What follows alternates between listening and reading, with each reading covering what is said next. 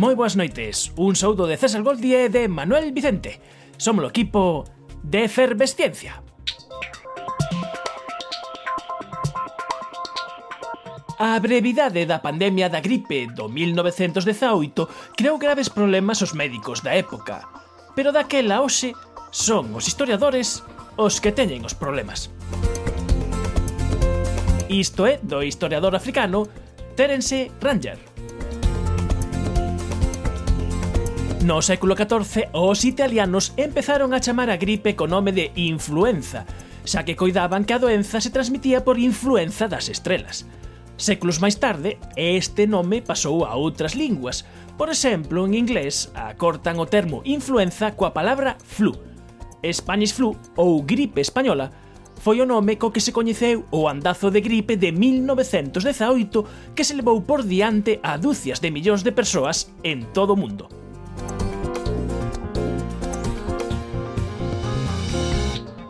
A gripe do 18 é apenas unha nota a pé de páxina nos libros de historia cando falan da Primeira Guerra Mundial. Sen embargo, matou a moitísimas máis persoas. Por iso, compre volver a estudar o que pasou e as súas consecuencias na historia da humanidade. Precisamente esta é a tese que sostén Laura Spinney no seu libro O Sinete Pálido, 1918, a epidemia que mudou o mundo. Nesta edición efervescente teremos todo o luxo de conversar para todos vós cun dos maiores expertos mundiais da gripe de 1918. Home que para estudiala mellor resucitou este virus hai unha década. Benvidos á efervesciencia. Hai outros mundos, pero están neste. Efervesciencia. Doses de ciencias en contraindicacións. Patrocinado pola FECIT, Fundación Española para a Ciencia e a Tecnoloxía, Ministerio de Ciencia, Innovación e Universidades, unha colaboración da Universidade de Santiago e a Radio Galega. Co apoio da Xencia Galega de Innovación da Xunta de Galicia.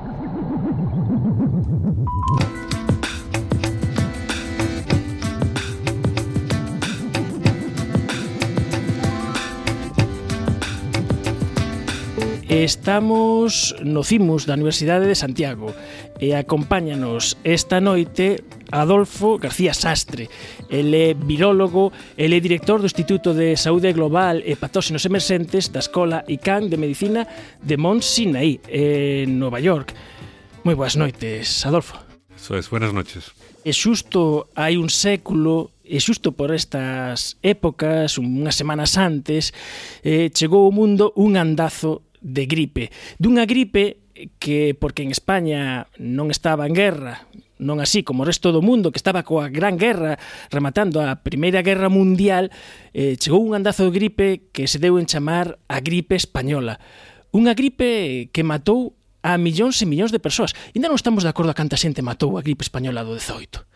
Sí, la gripe española se estima que mató como a 40 millones de personas. Uh -huh. ah, hay estimados que a lo mejor los, los suben a 60 millones, algunos que los bajan a 30, pero 40 millones es un buen uh, número que es el más reconocido ahora mismo.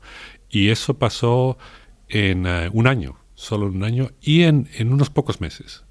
Entonces, claro, eso supuso una catástrofe a nivel mundial muy grande, porque eh, por ejemplo, sigue siendo, sigue habiendo causado más muertes la, la denominada gripe española en el año en que, es, que ocurrió, 1918-1919, que todo el número de muertes que ha habido por SIDA. Ahora mismo está llegando, eh, todo el número de muertes que, ha causado SIDA está llegando al número de muertes que causó la gripe española en eh, unos pocos años. El SIDA ya lleva con nosotros pues bastante tiempo, más de 40 años, lo cual quiere decir la, la catástrofe que se supuso es una catástrofe pues, pues muy grande, ¿no? Mucha gente se murió, sobre todo gente de, de nuestra edad, de 30, 40, 50 años. E foi un gran impacto esta gripe. Agora pensamos que, que as gripes é unha enfermedade eh, inofensiva, pero hai milleiros de persoas que morren o ano coas gripes estacionais en España, por exemplo. Sí, en España en todo el mundo. Todavía la gripe estacional es uno de los principales infe eh, enfermedades infecciosas que causan muerte. Causa muerte. Lo que pasa es que estamos acostumbrados ya a lo que la gripe supone con respecto al número de muertes, fallecimientos que hay, pero todos los años, incluso a pesar de tener vacunas, a pesar de tener antivirales contra gripe, hay, hay una gran cantidad de gente que muere por gripe. Bueno, no es, con, no es al nivel de lo ocurrió en 1918. Y el 1918 también fue un caso extremo, ¿no? Es muy difícil que se vuelvan a dar las características de este virus de nuevo. No lo podemos excluir, pero fue un caso bastante único. Nosotros reconstruimos el virus. el virus no, no, existía, el virus causó la cepa en concreto de gripe que causó la enfermedad del 1918. El virus cambia un poquito cada año, entonces los virus que hay ahora, las cepas, son distintas de las cepas que había el año anterior, de hace dos años, de hace tres años. Normalmente tienen las mismas características con respecto al tipo de enfermedad que inducen, que es una enfermedad respiratoria que puede dar síntomas un poco graves de fiebre, que te puede dejar en la cama, pero normalmente no causa mortalidad, pero hay casos en los que causa mortalidad. En 1918 causó una gran mortalidad, no tan excesiva como por ejemplo Ebola. Ebola puede causar 50%, 60% de mortalidad, la mortalidad que ocurrió con gripe en 1918 se estima que es el 2%, que si lo comparas con Ebola es, son números bajitos. Pero a nivel mundial, claro, eso supone una gran cantidad de es gente. Es que afectou a tanta xente que con esa porcentaxe de mortalidade, claro, os danos foron tantos. E falabas desa historia de que vos reconstruistes o, o virus de 1918. Esta todo unha, foi unha aventura científica porque vos tiñades esa aquel de buscar por onde había podían existir restos dese virus e ao principio supoño que a búsqueda non sabedes por onde empezar a buscar, ¿no? Ou sí? Sí, no, eh, la, la, la mayor parte de la búsqueda del, del virus y bueno, del el genoma del virus, porque el virus no existía, no eh, lo que existían es todavía partes del, del virus que se podían secuenciar básicamente obtener un clon a partir de la secuencia de, un organismo. Y el, el virus cuando ocurrió en 1918 no se sabía que la gripe era causada por un virus. Los virus ya se habían descubierto, pero se pensaba que era causada por una bacteria. Y no se supo que la gripe era causada por un virus hasta los años 30, que fue cuando se aislaron los virus de la gripe. Entonces, los virus que, de la gripe que se aislaron en los años 30, la cepa, venían también de 1918, habían estado circulando en, humanos durante 20 años, pero ya no eran el mismo virus, había, había cambiado, no era tan virulento como el del 18. Y el virus del 18 nunca se aisló, entonces ah, nunca hubo una preservación buena de tejidos infectados con virus del de 1918 y a nuestro colaborador, que se llama Jeff Taubenberger, eh, estuvo buscando sitios donde pudiera haber tejidos de algún modo que tuvieran algo de preservación, que, que, que, hubieran sido conservados de, de, algún modo que pudieran encontrar restos del genoma del virus. Y eso fue capaz de encontrarlos en dos sitios distintos. Uno es en un archivo de, de muestras de patológicas, que son tejidos pulmonares, que están fijados. Se hace una autopsia a una persona que se ha muerto de gripe de 1918, se corta un trozo de tejido pulmonar, se fija en, uh, en un fijante, se pone con parafina y se puede conservar uh, incluso a temperatura ambiente pero ahí no está un, no hay virus vivos, han sido, han sido inactivados debido al procesamiento, al procesamiento de las muestras. Lo que se puede ver bien es qué tipo de tejido, qué tipo de infiltrados en el tejido, qué tipo de patología en el tejido.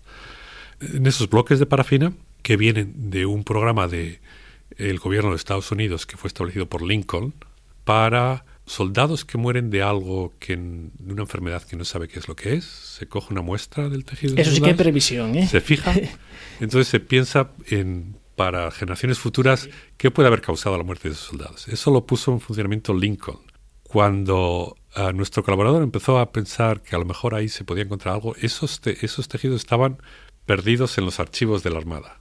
Hubo que facer entonces eh, traballo bibliográfico aí. Bibliográfico de buscar, de, de, hasta que al final encontró sitios donde se encontraban ese tipo de tejidos y a partir de ahí fue capaz de secuenciar parte del genoma del virus. El virus no estaba, no estaba activo, pero las técnicas de secuenciación han avanzado lo suficiente como para poder, si hay trozos del genoma de un virus o de una persona en un tejido, se puede secuenciar. En esa historia, esos resultados parciais os publicou e houve quen os veu e deu a outra pista, non? Sí, la verdad es que el material que existía era muy pequeño, muy poco, y con ese material era muy difícil conseguir la secuencia del virus completo.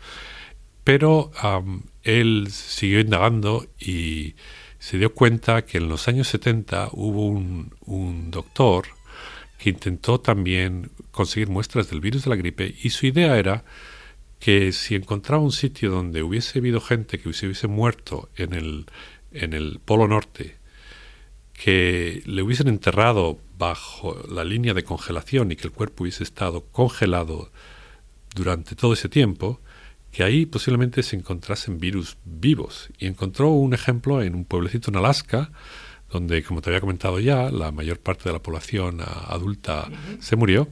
Vino el ejército, hizo una fosa común, pusieron todos los cadáveres, los enterraron y se quedaron desde entonces congelados, porque estaban por debajo de la línea de congelación. Y en los años 70 consiguió una orden de exhumación para intentar conseguir tejidos de esos cadáveres y ver si podía aislar el virus. Ya existían técnicas de aislamiento. Y no pudo aislar el virus. El virus ya estaba inactivado, no, no, no estaba lo suficientemente preservado. Más tarde, nuestro colaborador Jeff Taubenberger no pensando en el dar el virus, pero hay todavía trozos de genoma, volvió a contactar al mismo, al misma persona. Este que es Hulting. Hulting, sí. La misma persona. Y, um, y fue con él a volver a exhumar el, la, esa fosa común. Y encontraron el cadáver de una señora como de 40 años que estaba más o menos preservado porque tenía bastante masa corporal, y claro, el virus eh, no existía ahí, pero sí que había trozos de tejido que estaban más o menos preservados y a partir de ahí fue donde se pudo sacar, donde pudo, se pudo conseguir la secuencia completa del virus. Y eso también lo publicó nuestro colaborador. Esa es la secuencia. A partir de la secuencia es ahora viene como se pode reconstruir un virus solo de una secuencia genómica. O sea, vostedes o dato de letras A, G, C, C, T, C, C, T eh, o sabe, sí. sabedes esas letras, as letras da vida, os que son a información que levan todas as células de calquer ser vivo, levan información de como facer un ser vivo, vos teñades esa información, pero eso non está escrito en nada, estaba nun disco duro, nun papel. Mm. E fixeste unha cousa que siga braiando, que decir, imos convertir isto a, vos dicís rescatar o virus. Mm a partir del, a partir del genoma es... El genoma tiene toda la información que se necesita para el virus. Si uno es capaz de introducir esa información genética en una célula donde el virus se replica, a partir de esa información genética se puede regenerar el virus. Porque es lo que los virus hacen. Los virus lo que hacen es infectan una célula, inyectan su información genética y a partir de la información genética que inyectan, se acaparan de la maquinaria celular para que hagan copias de sí mismo y generar nuevos virus. Entonces, si uno consigue inyectar la información genética sin, sin el virus, sino por técnicas de inyección de información genética que generan el mismo tipo de ácidos nucleicos que el virus es capaz de generar cuando infecta una célula, a partir de ahí es donde se puede regenerar. Entonces tienes las letras, las letras son, se codifican para un fragmento de, en ese caso es ácido nucleico RNA, que es una molécula química que se puede sintetizar. Se puede sintetizar el RNA y si ese RNA es inyectado del modo adecuado, tiene que ser del modo adecuado, porque no simplemente inyectando el RNA no se consigue, pero si se inyecta del modo adecuado, parecido a como lo inyecta el virus normal, entonces, cuando se puede regenerar a partir de esa secuencia, a partir de ese RNA sintético, un virus de la gripe. Y esas técnicas las desarrollamos como cuatro años antes de que se consiguiera la secuencia del virus del 1918. Entonces teníamos a punto la técnica para poder hacer en el momento en que nuestro colaborador consiguió las secuencias. Y eso es lo que hicimos. Hicimos, uh, los, um, por supuesto, un laboratorio de alta biocontención. Claro, eso no, eso no se puede hacer en un laboratorio normal, tiene que por, ser. Porque no sabíamos qué tipo de virus y nos iba, nos iba, claro. nos iba a salir. No existía la posibilidad de que el virus no fuera muy virulento y que la razón por la que causó tantas muertes fue por razones secundarias, coinfección con otros agentes, algún tipo de predisposición que había en ese momento, en, esos años, para una infección grave con un nuevo virus de la gripe. cuando lo reconstruimos, aunque no podemos excluir también que haya habido algún otro tipo de, de coinfecciones o de otro tipo de predisposición que hubo que había en 1918, el virus que, que se generó a partir de la secuencia es un virus que demostró alta virulencia en muchos modelos animales. Entonces creemos que intrínsecamente ese virus, el virus del 18, fue un virus, una cepa de virus muy virulenta y que por tanto esas cepas pueden volverse a generar de nuevo en la naturaleza, porque no fue... Nosotros sí hicimos ese virus, pero fue hecho a partir de una secuencia que fue obtenida de, de un modo natural. El virus evolucionó de un modo natural para ser tan virulento como fue en el 1918. Necesito con urgencia transfusión de efervesciencia. E chegados a este momento, facemos un alto nesta apaixonante conversa con Adolfo García Sastre para coñecer o que se sabe, e que aínda non é moito, de como se viviu a gripe de 1918 en Galicia da man do especialista en Historia da Ciencia Xosé Antón Fraga foron varios eh, centos, miles de traballadores temporais eh, españois a traballar a Francia porque moitos dos franceses estaban da xente moza estaba combatindo. Ao volver, probablemente estes foron o que introduciron a gripe tanto en España como despois no resto da península e mm, había foi o tren, é dicir, se trasladaron en tren. O tren era un medio de transporte que permitía, mm, tendo en conta o ciclo de, de, de desenvolvimento da enfermedade, permitía perfectamente que estas se espallaran. E esa foi a clave, parece ser. E así chegou, por outra banda, a, por exemplo, a Coruña, polo tren É dicir, foi o tren o que tamén transportou aquí e o que espallou a gripe que sobre todo afectou ao barrio de Santa Lucía, pero logo xa se estendeu por toda a cidade e a toda a toda a contorna. Segundo a prensa da época, na Coruña morrían ata 30 persoas por gripe o día. As estimacións actuais calculan que no outono de 1918 faleceron 20.000 galegos por causa da gripe. Aínda así, hai unha gran incerteza do que puido ter pasado no rural galego. Aínda nas cidades pois había unha oferta dotación médica que atendía máis ou menos a xente, en que se veu bastante eh, eh, por momento superada, non? Con médicos con que tiñan que facer casi 50 visitas diarias, pero probablemente no rural eh, os efectos ainda foron máis devastadores, e a atención pois tivo estivo bastante peor en peores condiciones. Unha visión da gripe do 18 desde Galicia é a que recolleu Xosé Rodríguez Martínez, coñecido como o médico Rodríguez da Coruña. Este home sufriu a propia doenza, non? O sea, como médico actuou cando chegou a gripe e no momento determinado contaxiouse.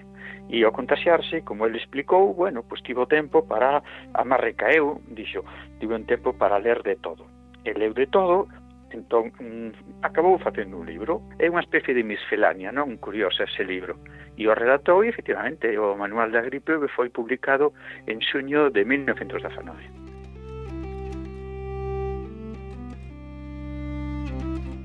A día de hoxe sabemos o que causa a gripe. Naquel momento se atribuía a un vacilo, a unha bacteria de Pfizer, dun, descoberta por un médico alemán. Ese era un erro, pero é que, claro, os virus non eran coñecidos, o sea, simplemente se sabía que había un, un xermes patóxenos máis pequenos que, que as bacterias, pero non se, non se estaba seguro de que causaban a gripe. Iso significou que, por exemplo, nas medidas que se tomaron para combatirla, pois foran moi variadas e a veces contradictorias segundo o lugar. Eh, si se suspenderon reunións, se, retrasa, eh, se fixo atraso do curso escolar, por exemplo, a Universidade de Santiago e, e, e noutros lugares pois o curso eh, comezou máis tarde, eh, se tomaron toda unha serie de medidas, pero a, a efectos terapéuticos tampouco estaba claro que que facer, non? O, este médico Rodríguez, por exemplo, era moi partidario da quinina e da aspirina. Bueno, mm, pues, probablemente as cantidades que se tomaron foron excesivas, non? Realmente o que ocurre con unha gripe é que a gripe se combate, bueno, co descanso e con, con bastante hidratación e, sobre todo, evitando as complicacións. De feito, como sabes, moita xente morre pola neumonía asociada, decir, por unha enfermedade bacteriana eh, posterior, non? Eh, quero dicir que mm, hubo un caos moi importante, non? Entón a xente estaba realmente os, os propios especialistas e a poboación estaba bastante confusa. Na primavera de 1918 estreuse a zarzuela La canción del olvido e coincidiu cunha primeira vaga da gripe que foi moi suave. E así, os sonais españois empezan a referirse a gripe co nome de O Soldado de Nápoles. O Soldado de Nápoles é precisamente un número desta zarzuela que, dicían daquela, era unha serenata tan pegadiza como a gripe, pero iso sí, menos mortífera. Vivo recordándote, cantando te espera, cariño del alma, ven.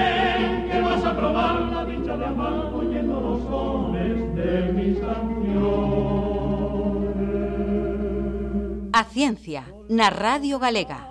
E retomamos a nosa conversa con Adolfo García Sastre. Para coñecer un pouco máis o noso inimigo, o virus da gripe, temos que explicar que este virus está formado por oito partes, oito xenes que incorporan toda a información xenética do virus e que están protegidos por unha membrana. Na superficie desta membrana hai unha serie de proteínas que son utilizadas polo sistema de defensa do noso organismo para recoñecer o invasor e deste xeito xerar inmunidade. Cada cepa ten diferentes proteínas de membrana, de e dai veñen os nomes que lle dades H1N1, etc., que son as que identifica o noso. Sí, y esas proteínas, el problema que tiene el virus de la gripe es que esas proteínas cambian de año a año. Entonces, como cambian de año a año, el tipo de inmunidad que una cepa genera cuando infecta a una persona no es capaz de proteger contra cepas futuras del mismo, del mismo virus que han cambiado y ya son distintas.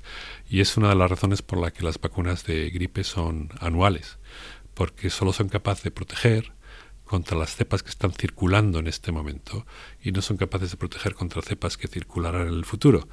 Y es imposible hasta el momento predecir qué tipo de cepas van a circular en el futuro, porque las posibilidades que tiene de cambio son tan grandes que no se sabe si va a tirar por un lado, si va a tirar por otro lado, si va a tirar por otro lado. Va a cambiar, lo único que sabemos é que cada año cambia, pero non sabemos como. Claro, no caso, por exemplo, da, da gripe do 1918, que era H1N1, nos seguintes anos foi cambiando, e afortunadamente, para menos, o que decir, para... Menos virulencia. Menos sí. virulencia. E eu teño unha dúda, porque eh, se te inmunizas, claro, tú estás dicendo que a inmunidade non vale dun ano para outro, non? Sí, por, por exemplo, tamén a, ah, eh, outro colaborador nuestro, eh, Chris Basler, estuvo estudiando eh, los anticuerpos presentes en uh, gente mayor que había nacido antes del 1918 y que, por tanto, sería normal que hubiesen sido expuestos al virus, uh, porque el virus se infectó casi a la mayor parte de la población, pero claro, sobrevivieron la infección, sobre todo eran niños muy pequeños en aquella época. Y en esa gente, gente de 100 años, que había nacido antes del 1918, es fácil encontrar circulando anticuerpos contra el virus de 1918, pero no anticuerpos contra el virus de hoy. Esos anticuerpos contra el virus del 1918 que fueron generados cuando una persona fue infectada en el 1918 son capaces de proteger contra ese virus de la gripe del 18, pero no contra los virus que están circulando actualmente, a pesar de que muchos de ellos han sido generados por evolución del virus del 18. Porque aí houve unha sorpresa, porque aí o virus do 18, según a vosa terminoloxía, é, son virus a H1N1 H1. que estiveron circulando unhas cantas décadas, logo as cepas foron por outro lado, e logo en 2009, oh, sorpresa, aparece outra vez un H1N1. Un H1N1 sí. es, entonces, el virus de la gripe lo que le pasa es que cambia de año en año, pero eso H1N1 cambian de año en año, hay también circulando H3N2 cambian de año en año. Pero aparte de cambiar de año en año tienen los estos números H1, H2, H3. Hay un total de más de 16 tipos de HA. Y la diferencia entre un virus de la gripe H1 de este año y un virus de la gripe H1N1 del año que viene es pequeñita. Hay diferencia, pero es pequeñita. La diferencia que hay entre un H1 y un H2 es muy grande. De tal modo que un H2 es mucho más virulento cuando viene y nunca ha sido visto porque no hay nada de inmunidad contra un H2. Contra un H1 tienes siempre un poquito. Aunque vaya cambiando, tienes un poquito contra algo que es, que es común a todos los H1s. No es lo suficiente como para poder evitar que te infecte, pero es lo suficiente como para reducir el caso de números de, de casos severos. Cuando viene uno completamente distinto, cuando, por ejemplo, sería ahora mismo hay H1 y H3, si viene un H5 o viene un H7 en humanos, entonces sería una pandemia. No tenemos, no tenemos nada de inmunidad contra ellos. Y esos virus existen en aves, no existen ahora mismo circulando en humanos, existen circulando en aves. Y normalmente se quedan en aves, no nos afectan. Pero por alguna razón también que es evolutiva y que es muy difícil de predecir, de cuando en cuando, cada 10, 20, 30 años, hay una cepa de estas que viene de animales, ya sea de aves, ya sea de cerdos, que empieza a circular en humanos y es completamente distinta de lo que ha habido hasta ahora. Y es en ese momento cuando se ocurre una pandemia. Y las pandemias normalmente dan causa a mayor número de muertes porque tienen menos defensas, tenemos menos defensa, nunca hemos sido expuestos a esos virus que han estado circulando hasta entonces en animales. Y eso lo ocurrió en el 1918 con la pandemia H2 del 1957, con la pandemia H3 del 1968 y con la pandemia H1N1 del 2009, que fue un H1N1 que fue muy distinto de los H1N1 que estaban en ese momento. Que, bueno, hubo esa pandemia que pasou unha cousa tamén curiosa que globalmente o que toda a sociedade hubo alerta pola pandemia eh, Eh, coido que non chegou unha alarma social, pero si sí hubo incluso certas polémicas aquí, incluso o personal médico, si había que vacinar, se non había que vacinar, vacinar se embarazadas, eh, non vacinar, e logo parece que a cousa pasou sen máis pena ni gloria e, e xa os quencemos.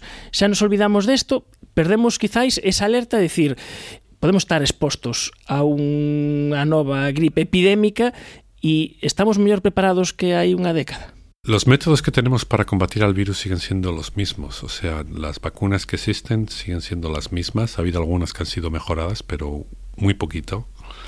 Y sigue teniendo, seguimos teniendo el problema que si viene una nueva cepa pandémica no, no somos capaces de generar una vacuna con la tecnología que existe, que esté generada a tiempo para hacer un impacto durante los primeros meses en que el virus está circulando. Y eso es un problema porque es durante esos primeros meses donde el virus puede ser realmente altamente patogénico. En 2009 tuvimos la suerte de que el virus no fue como el del 18, no fue ni siquiera como las otras pandemias del 68, del 57, entre otras cosas posiblemente porque también hay un H1N1 y aunque distinto de los H1N1, todavía muy parecido a los H1N1 que circularon en, en humanos en los años 40, los años 50, de tal modo que gente, por ejemplo, que tenía más de 40 años o más de 50 años, eh, que había nacido en los años 40 o los años 50, estaban protegidos contra este virus porque habían sido expuestos a virus muy parecidos. Y luego no era tan severa como la del 1918. No podemos predecir cuánto, cuánto de severo va a ser un, un nuevo virus. No, no sabemos lo suficiente como para, una vez que el virus está detectado y está secuenciado, saber cuánto virulento va a ser. Los modelos de animales que tenemos para virus de la gripe no son tampoco completamente predecibles. Hay virus de la gripe que son altamente virulentos en ratones e, sin embargo, non son virulentos en humanos. E unha cousa que a min me chamou a atención eh, na vosa investigación é que mm, estabades facendo modelos animais ao principio con ratiños de laboratorio como todo o mundo, pero vistes que como modelo para a gripe tiñan un problema que non esbirraban. Mm, sí. Como foi como vos estes conta que necesitaba des outro modelo animal? Porque é unha historia creo que ben interesante. Sí, en todo virus hai hai facetas importantes de un modo de, de, de su biología y una de, su, una de las facetas más importantes es transmisión. Un virus puede ser virulento, pero si se transmite muy mal, solo es capaz de, de, de dar enfermedad a la persona que lo ha adquirido por alguna razón, pero no lo transmite de uno a otro. Y la transmisión es muy importante para que un virus sea un patógeno que realmente pueda hacerlo en humanos. Los, los virus de la gripe, si los pones en ratones, pueden causar enfermedad, pero no se transmiten de ratón a ratón. Parte de ello porque los ratones no estornudan, porque los ratones no generan aerosoles que son capaces de transmitir el virus. Entonces pensamos que se necesitaba un tipo modelo, de modelo distinto animal para poder ah, determinar la capacidad de transmisión que un virus de la gripe pueda tener. Y eso también viene de un colaborador mío que ha sido mi mentor, Peter Palese. Estaba leyendo artículos en 1918 sobre el virus de la, virus de la gripe y se dio cuenta que una de las cosas que pasaban en, eh, que pasó en un campo de soldados que fue acosado por el virus de 1918 tenían una colonia de animales de eh, conejillos de indias y se murieron todos los conejillos de indias. Entonces pensó, ah, voy a probar si el conejillo de indias es un buen modelo para gripe. Y para nuestra sorpresa, los conejillos de indias no, a pesar de que se murieron con la gripe del 18, posiblemente, no tiene enfermedad, la mayor parte, la gripe estacional no da ninguna enfermedad en, en conejillos de indias, pero se transmite muy bien de un conejillo de indias a otro. Y los virus de aves, sin embargo, no. Entonces, es el, ahora mismo conejillos de indias se usan como modelo para predecir el riesgo que a lo mejor un virus de aves puede tener de empezar transmisión en humanos o no. Que, bueno, como decía antes, es las pandemias se generan a partir de virus de la gripe que están circulando en otros animales, aves, cerdos, etcétera. Y muchas veces las pandemias vienen con elementos genéticos de cepas de aves, que es donde se encuentran los H4, H5, H6, H7, que no han, hemos tenido ninguna exposición a ellos en los últimos 100 años. Hace 50 años los científicos encontraron víctimas de la pandemia del 18 en los hielos de Alaska. ¿Quiere decir que resucitaron la cepa de 1918? Los patógenos víricos pueden existir durante décadas latentes en la naturaleza y rebrotar de improviso. El virus del ébola surge periódicamente en África, la gripe española también terminará por reaparecer con insospechada virulencia. Y si no hay una vacuna, nos enfrentaremos a una pandemia. Por eso trabajamos con el virus. Los laboratorios lo necesitan para desarrollar una vacuna específica contra la gripe española. Quiero revisar sus medidas de seguridad y su inventario. Usted sabrá si ha desaparecido alguna muestra, ¿no?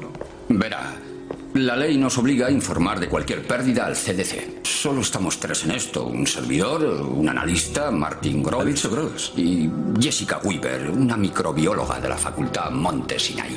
E as vosas investigacións, esa tecnoloxía que nos acabas de explicar de xenética inversa de ter as letras e logo a partir de aí reconstruir os virus, eso non só sirve ou serviu para eh, resucitar os virus da gripe de 2018, senón que ten máis aplicacións. Por exemplo, coido que para facer de xeito máis eficiente a vacina estacional tamén se emplean estas tecnoloxías para que sexa máis rápido, porque aí o tempo é, clave e hai máis cosas que se poden facer. Exactamente, sí. La, ayudan a hacer una vacuna de un modo más rápido porque no tienes que adaptar el virus estacional a, crecer en huevos, sino que simplemente a partir de la secuencia obtienes el virus vacunal y el virus vacunal crece y se produce, o sea, ayuda a producirlo, viene a retrasar el tiempo de producir una vacuna alrededor de un mes o un mes y medio, que siempre viene muy bien, sobre todo cuando hay muy poco tiempo para producir una vacuna, pero también se pueden usar para producir vacunas contra virus que son muy virulentos, como por ejemplo los H5. Los H5 son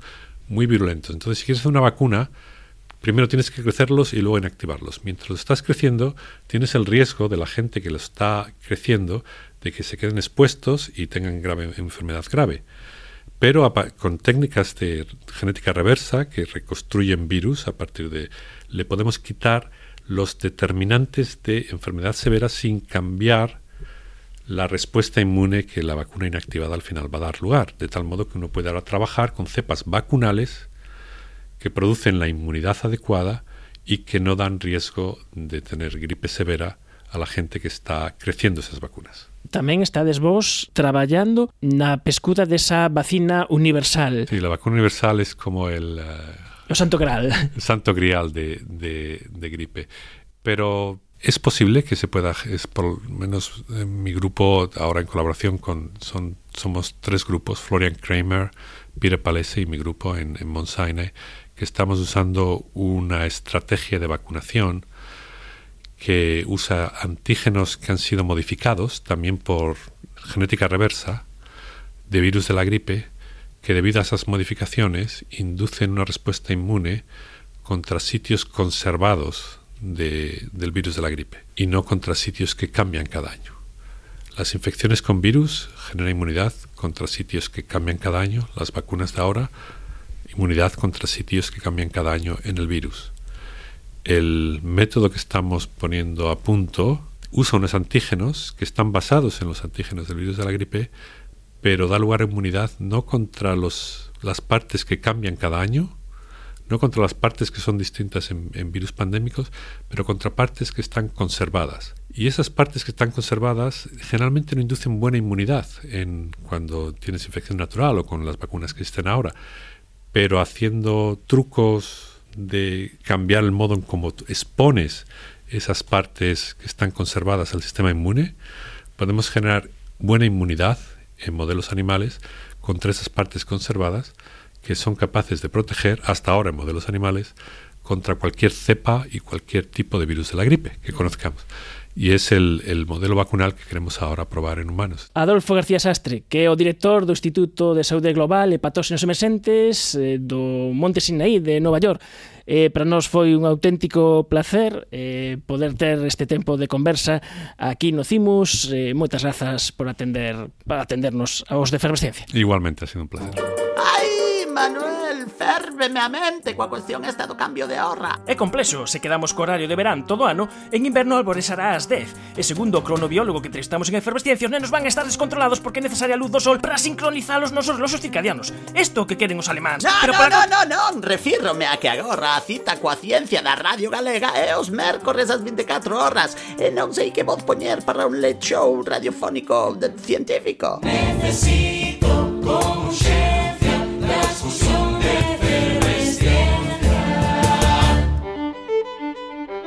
Atopámonos no Consello da Cultura Galega. Estáse a desenvolver a xornada É racional o cambio estacional de hora en Europa. Aproveitamos a generosidade dos relatores para secuestralos uns minutos e que nos conten o tipo de cousas que se están a debater neste encontro.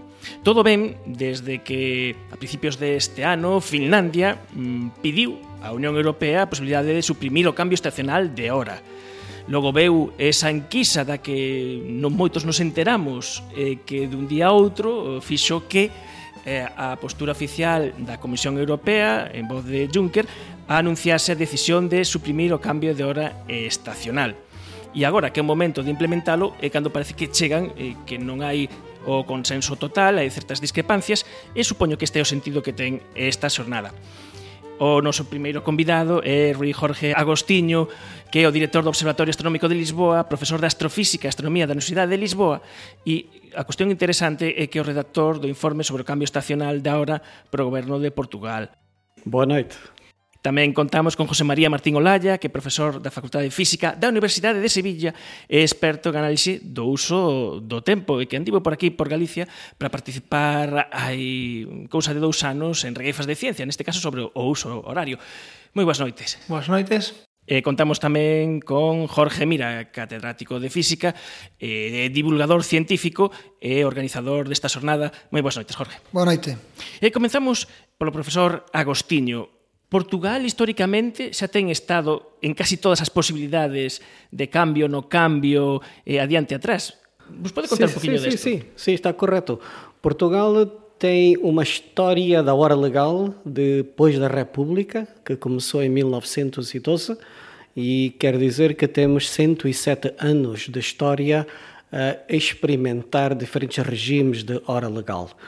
E olhando a essa história toda, houve uns nove anos, apenas nove anos, em que Portugal teve uma hora contínua em UTC durante o ano inteiro, portanto, não cambiando para hora de verão. Foram apenas nove anos. Também houve outros poucos anos, cerca de dez mais espalhados, em que experimentou ter UTC mais um, contínuo durante o ano, sem hora de verão, e nos outros anos todos eh, fez um câmbio na altura de verão para ter hora de verão. E aí teve sempre a hora UTC, mais na altura do verão, a hora do verão.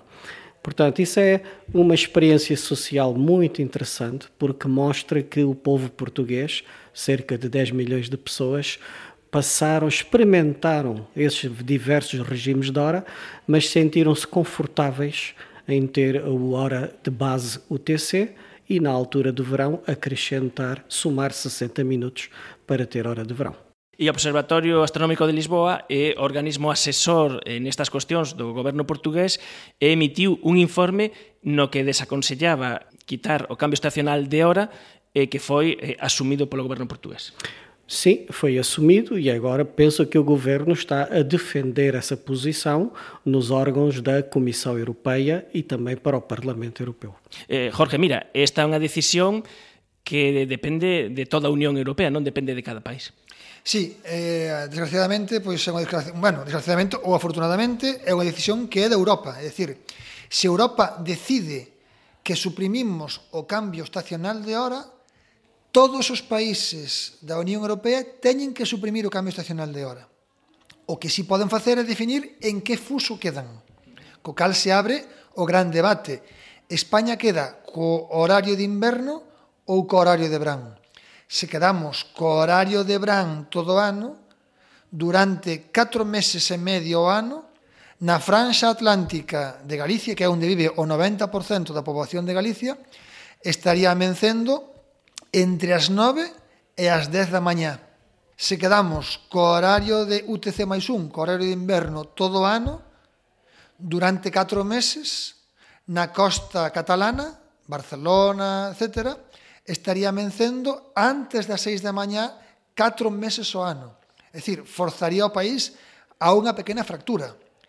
Temos que ter cambio estacional de hora porque temos estacións E como a duración do día no verán e a altura do sol no verán é distinta que a duración do día no inverno e a altura do sol no inverno, temos que ter un horario pro inverno e un horario pro verán.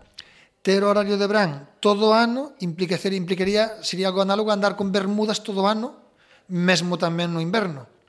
Ter horario de inverno todo o ano sería ter pois abrigo, como ter o abrigo inverno e abrigo no verán. Polo tanto, non podemos andar xogando con estas cousas. O problema que hai é que a xente confúndese moitísimo, e isto afecta nos os españoles e os galegos con un tema colateral que é o tema do fuso horario. Hai xente que vende o cambio de fuso como unha solución aos supostos males que teñen os horarios españois. España non ten ningún tipo de anomalía horaria. España atopou o seu punto de equilibrio solar. Se cambiamos o fuso horario, co, o que faremos será forzar a, sociedade española a sair do seu punto de equilibrio solar e teria que pelexar para volver a topalo. Crearíamos un problema se cambiamos o fuso. Portugal, que é o mellor experimento sociolóxico que hai en Europa para analizar estas cousas, xa fixo cambios de fuso. E sabiu que iso non é bo. Eles fixeron un cambio de fuso que lles levou a un desfase de máis unha horas, o cambio noso o fuso portugués implicaría un cambio de menos unha horas pero tanto un como outro serían o mesmo tipo de problema. Eh, no relatorio de José María, unha das cousas nas que incidiches é a importancia de ter en conta a latitude, que a resposta eh, global a isto de se debemos eh, facer o cambio estacional podería ser moi diferente según a latitude nos atopamos e que os intereses son diferentes ou mellores que poden ter os finlandeses os que se poden ter na Península Ibérica. Indudablemente, y además no solo eso, sino que es que no podemos entender las razones que llevan a un finlandés a pedir, bueno, podemos entenderla, pero no podemos vivir las razones que llevan a un finlandés a tomar la decisión de no querer un cambio estacional y un finlandés no puede entender las decisiones por las que, por ejemplo, Portugal si quiere tener el cambio estacional. Vuelvo a decir, no entender, sino vivir, porque las situaciones a, a un paralelo, como los paralelos de la, de la, península ibérica y el paralelo de Finlandia, son completamente diferentes. En Finlandia la estación es o vivir siempre de noche o vivir siempre de día. Y a ir tocar una horita en el reloj es, es poca cosa. A nosotros, a nuestra latitud, la diferencia entre el verano y el invierno de forma natural son tres horas. En el amanecer son tres horas de diferencia. Tocar una hora en el reloj significa reducirla y dejarla a dos horas, que es aproximadamente el tiempo que tarda una persona entre levantarse, desayunarse, prepararse, arreglarse y entrar al trabajo. Y entonces uno puede ajustar la actividad humana a empezarla con la hora del amanecer y hacerlo de forma natural durante todo el año, manteniendo ficticiamente la hora del reloj la misma, es decir, entramos a trabajar según la hora del reloj a la misma hora y el programa de radio matinal empieza a la misma hora y las cosas empiezan por la mañana a la misma hora, pero con el cambio de hora nos adaptamos estacionalmente al hecho de que el amanecer se retrasa en invierno y se adelanta en verano. polo que estiveches a dicir, esa adaptación as sociedades tenden a facela, unha cousa que podemos escoller se a facemos eh, globalmente como sociedade establecidas nos mesmos días, eh, na mesma hora, eh, todos igual, ou se eh, non facemos ese cambio estacional e eh, son os usos, as empresas, os colexios quen deciden como adaptan os horarios de entrada e saída ás diferentes horas de luz en cada estación. Claro, traslada esa decisión a nivel de empresa, a nivel de lugar de trabajo. Ahora mismo, con el cambio estacional, no hay ningún trabajador que llegue en el mes de abril a su empresa y le diga, yo quiero entrar una hora más tarde, porque el gobierno me ha, me ha adelantado la hora, yo quiero entrar una hora más tarde. Nadie hace eso. Si suprimes el cambio estacional, es posible que a la hora de llegar, a la hora de llegar al mes de marzo, en mes de abril, en las empresas llegue un trabajador y diga, yo quiero entrar a trabajar una hora más antes porque ya es de día, ya ha amanecido, yo quiero salir una hora más antes porque quiero ir a dar un paseo en la playa, quiero dar, jugar un poquito al fútbol, quiero hacer actividad. ¿no? Y eso lo regulamos bien con el cambio estacional y lo regulamos bien con el cambio estacional precisamente porque no existen esos trabajadores que lleguen al trabajo y digan yo quiero entrar una hora más tarde al trabajo. Quizás aquí o que pesa eh, o que está na, na balanza e o mellor tamén aí a os cronobiólogos tamén ten cosas que dicir, é dicir, non existe unha solución ideal que solucione todos os problemas e cada unha ten as súas eh, inconvintes ou ventaxas. O que se alude o, o problema deste cambio estacional é ese jet lag eh, social que se obliga a ter dúas veces o ano. Un deles máis complicado que outro e, e por outro lado, eh, a outra solución é dicir, eh, nos saltamos ese jet lag de uns poucos días e eh, nos obligamos a ter un desfase ou ben en inverno ou ben un desfase en verano. Dicir, a solución óptica non eu entendo que non existe, ou existen eh, que valora eh, cada sociedade de que cal é o ben maior a protexer aí. Pero eso es una es, es algo que está relacionado con nuestro con nuestro hábito por usar el reloj, es decir, es es una realidad porque usamos relojes si usáramos mm, para, para relacionarnos socialmente, dice, vamos a, vamos a empezar a trabajar media hora después de que amanezca. No tendríamos ese problema, pero es difícil. Teníamos esas horas como En romanos. el momento, claro, en el momento en que usas reloj y el reloj es un reloj mecánico, un reloj que está ajustando al mediodía, te aparece ese problema por el amanecer porque el reloj es insensible a la hora del amanecer. E non sei como vedes, se isto que fixo a Comisión Europea foi abrir un pouco unha, ca unha caixa eh, do, dos tronos sin saber as sen ter matinado nas consecuencias e sin ter matinado que os intereses poden ser moi diferentes. Xa, incluso, Eh, os intereses en latitudes moi diferentes, como podemos dicir os países nórdicos, Alemania e aquí a Península Ibérica, pero incluso os intereses manifestados eh, dentro de España de que os parlamentos baleares e, e, e de Valencia eh, fan unha aposta eh, polo horario de verán e, sin embargo, en Galicia isto non suporía que os nosos escolares entraran de noite durante uns cantos meses. Eh, o mellor se abriu a, ca a caixa dos, dos tronos. O peor é como se abriu, porque hasta ahora eh, Europa cada cinco anos examinaba a pertinencia do cambio estacional de hora e facía con comisións técnicas que sempre aconsellaron mantelo. Pero agora perderonse os papéis, a xente pusose nerviosa, fixo unha enquisa mal feita e pois abandonouse o resultado desa enquisa e tomou unha decisión precipitada. Porque a xente normalmente valora a incomodidade deses, non sei, tres días despois do cambio, unha semana despois do cambio, e esquece que despois vai estar durante sete meses, que son 210 días, gozando da vantaxe do horario de verán. A xente pensa no curto prazo, no, na molestia, pero non pensa na molestia que tería se si durante sete meses tivese o horario que non llevou. E houve polémica en Portugal por isto, por esta decisión, ou mm, como sociedade, mm, o debate está na sociedade ou non? O debate está na sociedade e em duas frentes. Vou voltar um pouco para trás, porque em Portugal, quando se discutiu ter a hora UTC mais um, a ideia de base vinha das pessoas do negócio que acreditavam que basta ter a hora de Berlim para a economia melhorar. E muita gente, muitas pessoas acreditam nisso. Basta ter a hora central europeia para de repente Portugal ser europeu e isto tudo ser bastante melhor. Eu recebi muitos e-mails e durante estes anos, já cinco anos atrás e antes disso, recebia relatórios de entidades de patronais e de negócios que faziam esses inquéritos aos seus associados e diziam que acreditavam que a coisa ia melhorar. Mas quando o governo de Cavaco Silva mudou para a hora o TC mais um, a sociedade sentiu que, que aquilo não funcionava. Nem a economia melhorou por causa disso. Portanto, há, esse, há essa expectativa de que, de repente, a solução dos problemas é adotar a hora da Central Europeia. Primeiro ponto. Segundo ponto, sobre um, o que estava aí a dizer da, do inquérito feito na Europa. Uh, é uma questão política, puramente política.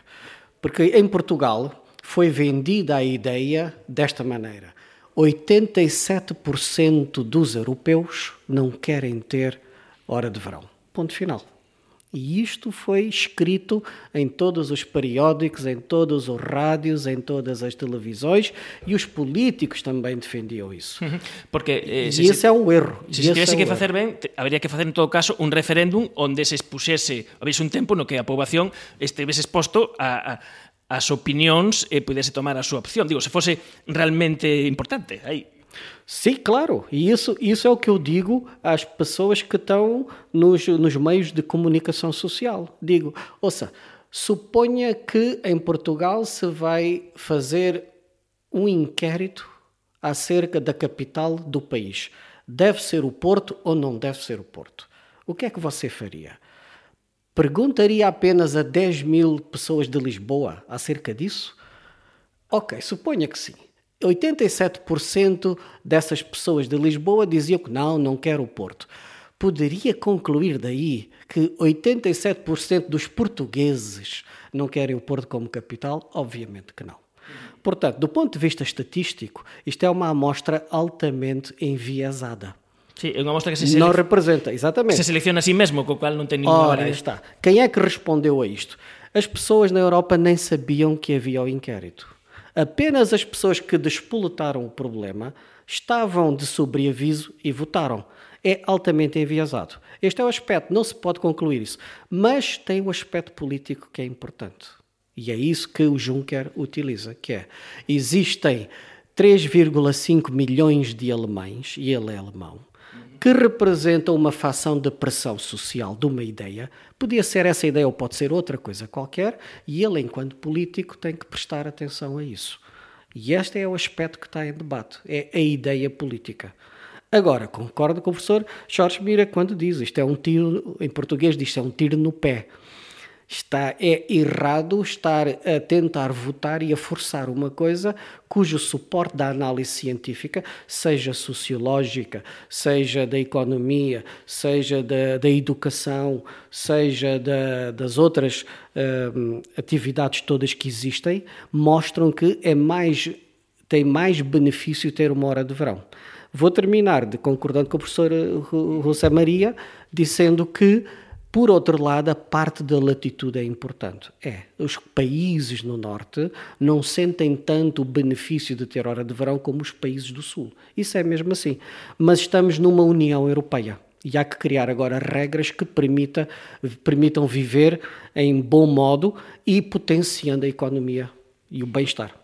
É racional o cambio estacional de hora en Europa. Se está a debater sobre isto no Consello da Cultura Galega e quen queira saber máis eh, sobre este tema pode achegarse á página web do Consello onde están colgadas todas as intervencións eh, desta xornada. Porque eu coido que é importante que xa que está o tema posto en riba da mesa, o importante é ter argumentacións eh, sólidas Logo, cada quen pode tirar as súas eh, conclusións pero é importante coñecer as cousas que, que se coñecen e que non sexa pois unha opinión fundada o mellor únicamente nas preferencias de cada quen. Eh, foi, pois bueno, un encontro pequeniño, pero ben proveitoso que tivemos con Rui Jorge Agostiño, con José María Martín Olalla e con Jorge Mira. Moitas grazas por nos atender. Grazas. Grazas a vosotros. Obrigado.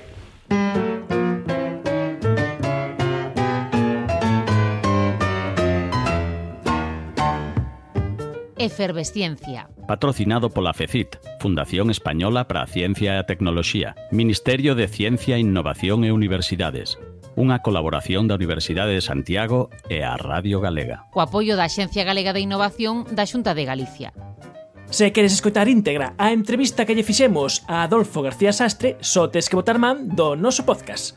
Ata a semana que ven na Radio Galega. Adeus.